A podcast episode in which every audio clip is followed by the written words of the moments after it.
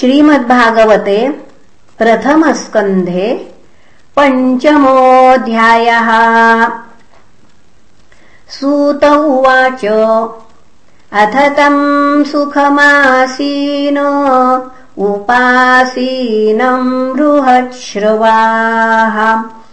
देवर्षिः प्राह विप्रर्षिम् वीणापाणिस्मयन्निव नारद उवाच पाराशर्यमहाभाग भवतः कश्चिदात्मना परितुष्यति शारीर आत्मा मानस एव वा जिज्ञासितम् सुसम्पन्नमपि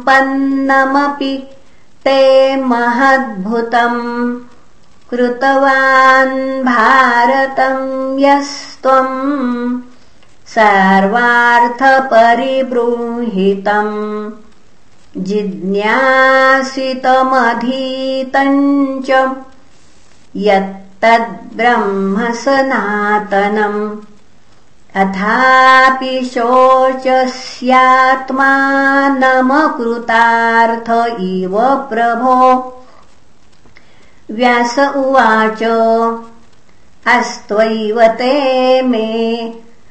सर्वमिदम् त्वयोक्तम् तथापि नात्मा परितुष्यते मे तन्मूलमव्यक्तमगाधबोधम् पृच्छामहे त्वात्मभवात्मभूतम् स वै भवान् वेद मुपासितो यत्पुरुषः पुराणः। पराबरेशो मनसैव विश्वम् सृजत्यवत्यतिगुणैरसङ्गः। त्वम् पर्यटन्नर्क इव त्रिलोकिमन्तश्चरो वायु रिवात्मसाक्षि परावरे ब्रह्मणि धर्मतो व्रतैः। स्नातस्य मे न्यूनमलम् विचक्ष्व। श्रीनारद उवाच भगवातानुदितप्रायम् यशो भगवतोमलम् येनैवासो न तुष्येत मन्येतदर्शनम्खिलम् यथा धर्मादयश्चार्था मुनिवर्यानुकीर्तिताः न तथा वासुदेवस्य महिमा ह्यनुवर्णितः न यद्वचश्चित्रपदम् हरेर्यशो जगत्पवित्रम् प्रगृणीत कर्हिचित् यद्वायसम् तीर्थमुशन्ति मानसा न यत्र हंसा निरमन्युशिक्षयाः। यद्वाग्विसर्गो जनताघपि विप्लवो यस्मिन् प्रतिश्लोकमबद्धवत्यपि नामान्यनन्तस्य यशोऽङ्कितानि यत् शृण्वन्ति गायन्ति गृणन्ति साधवः। नैष्कर्म्यमप्यच्युतभाववर्जितम् न शोभते ज्ञानमलम् निरञ्जनम् कुतः पुनः शश्वदभद्रमीश्वरे? न चार्पितम् कर्म यदप्यकारणम्। अथो महाभागभवानमोघदृक्। शुचिश्रवाः सत्यरतो धृतव्रतः उरुक्रमस्याखिलबन्धमुक्तये समाधिनानुस्मरयद्विचेष्टितम्। ततोऽन्यथा किञ्चन यद्विवक्षतः पृथग्दृशस्तत्कृतरूपनामभिः। न कुत्रचित् क्वापि च दुःस्थितामतिर्लभेत वाताहतनौरिवास्पदम् जुगुप्सितम् धर्मकृतेऽनुशासतः स्वभावक्तस्य महान् व्यतिक्रमः। यद्वाक्यतो धर्म इतीतरस्थितो न मन्यते तस्य निवारणम् जनः। विचक्षणोऽस्यार्हति वेदितुम् विभोरनन्तपारस्य निवृत्तितः सुखम्। प्रवर्तमानस्य गुणैरनात्मनस्ततो भवान् दर्शय चेष्टितम् विभोः।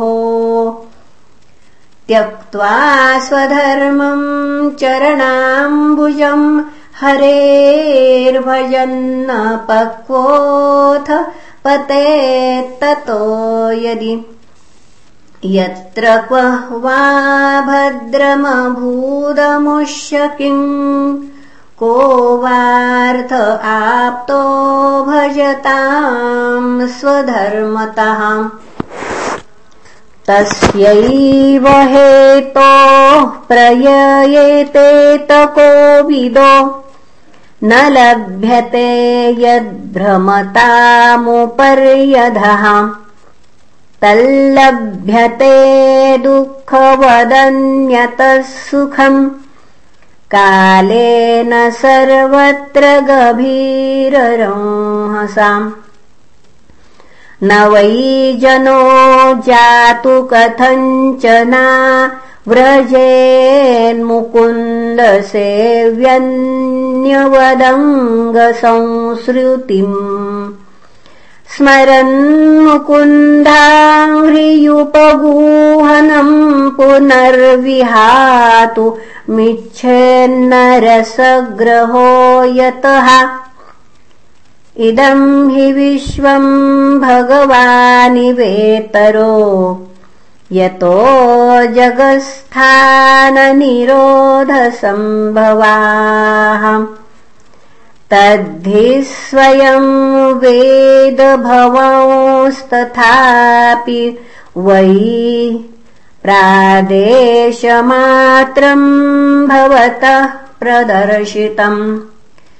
त्वमात्मनात्मानमवेह्यमोघदृक् परस्य पुंसः परमात्मनः कलाम्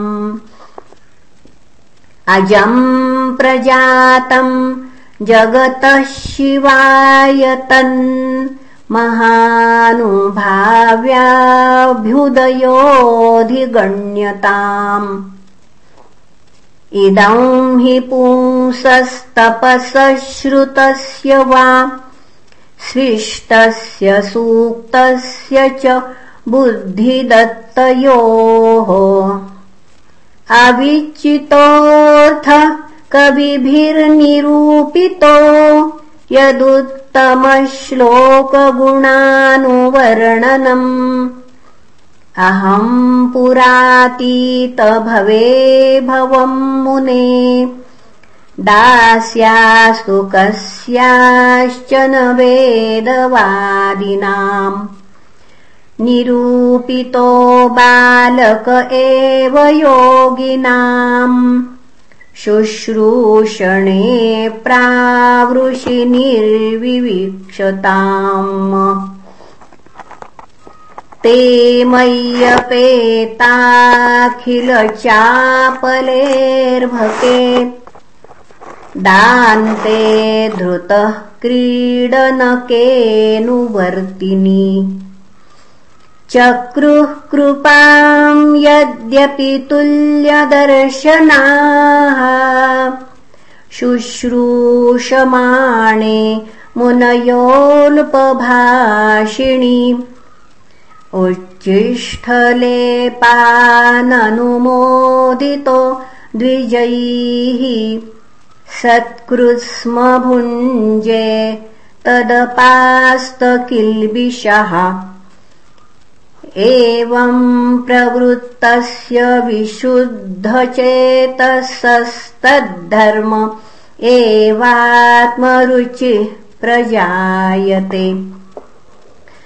तत्रान्वहम् कृष्णकथाः प्रगायतामनुग्रहेणाशृणवम् मनोहराः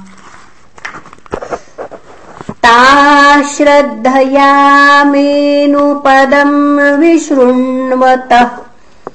प्रियश्रवस्यङ्गममाभवद्रुचिः।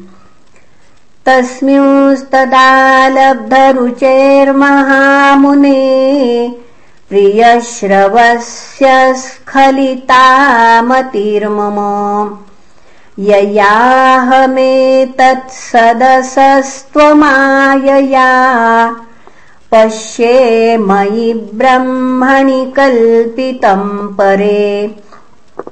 इत्थम् शरत्प्रावृषिकावृतु हरेर्विशृण्वतो मेनुसवम् यशोमलम् सङ्कीर्त्यमानम् मुनिभिर्महात्मभिर्भक्तिः प्रवृत्तात्मरजस्तमोपहाहम्। तस्यैवम् मेनुरक्तस्य प्रश्रितस्य हतैन सह। श्रद्धधानस्य बालस्य दान्तस्यानुचरस्य च ज्ञानम् गुह्यतमम् यत्तत् साक्षात् भगवतोदितम्। अन्ववोचन् गमिष्यन्तः कृपया दीनवत्सलाः। येनैवाहम् भगवतो वासुदेवस्य वेधसः मायानुभावमविदम् येन गच्छन्ति तत्पदम् एतत्संसूचितम् ब्रह्मन्स्तापत्रयचिकित्सितम् यदीश्वरे भगवति कर्म ब्रह्मणि भावितम्। आमयो यश्च भूतानाम्। जायते येन सुव्रतौ। तदेव ह्यामयम् द्रव्यम्। न पुनातिचिकित्सितम्। एवम् नृणाम् क्रियायोगाः सर्वे संसृतिहेतवः। त एवात्मविनाशाय कल्पन्ते कल्पिताः परे। यदत्र क्रियते कर्म भगवत्परितोषणम्। ज्ञानम् यत्तदधीनम् हि भक्तियोगसमन्वितम् कुर्वाणा यत्र कर्माणि भगवत्शिक्षया सकृत् गृणन्ति गुणनामानि कृष्णस्यानुस्मरन्ति च। नमो भगवते तुभ्यम् वासुदेवाय धीमहि। प्रद्युम्नायानिरुद्धाय नमः सङ्कर्षणाय च। इति मूर्त्यभिधानेन मन्त्रमूर्तिममूर्तिकम्। यजते यज्ञपुरुषम् स दर्शनः पुमान्। इमम् स्वनिगमम् ब्रह्मन्न वेत्य मदनुष्ठितम्। अदान्मे ज्ञानमैश्वर्यम्। स्वस्मिन् भावम् च केशवः। त्वमप्यदभ्रश्रुतविश्रुतम् विभोः समाप्यते येन विदाम्बुभुप्सितम् आख्याहि दुःखैर्मुहुरर्दितात्मनाम् सङ्क्लेशनिर्वाणमुशन्ति नान्यथा। इति श्रीमद्भागवते महापुराणे पारमहंस्याम् संहितायाम् प्रथमस्कन्धे व्यासनारदसंवादे पञ्चमोऽध्यायः श्रीकृष्णार्पणमस्तु हरये नमः हरये नमः हरये नमः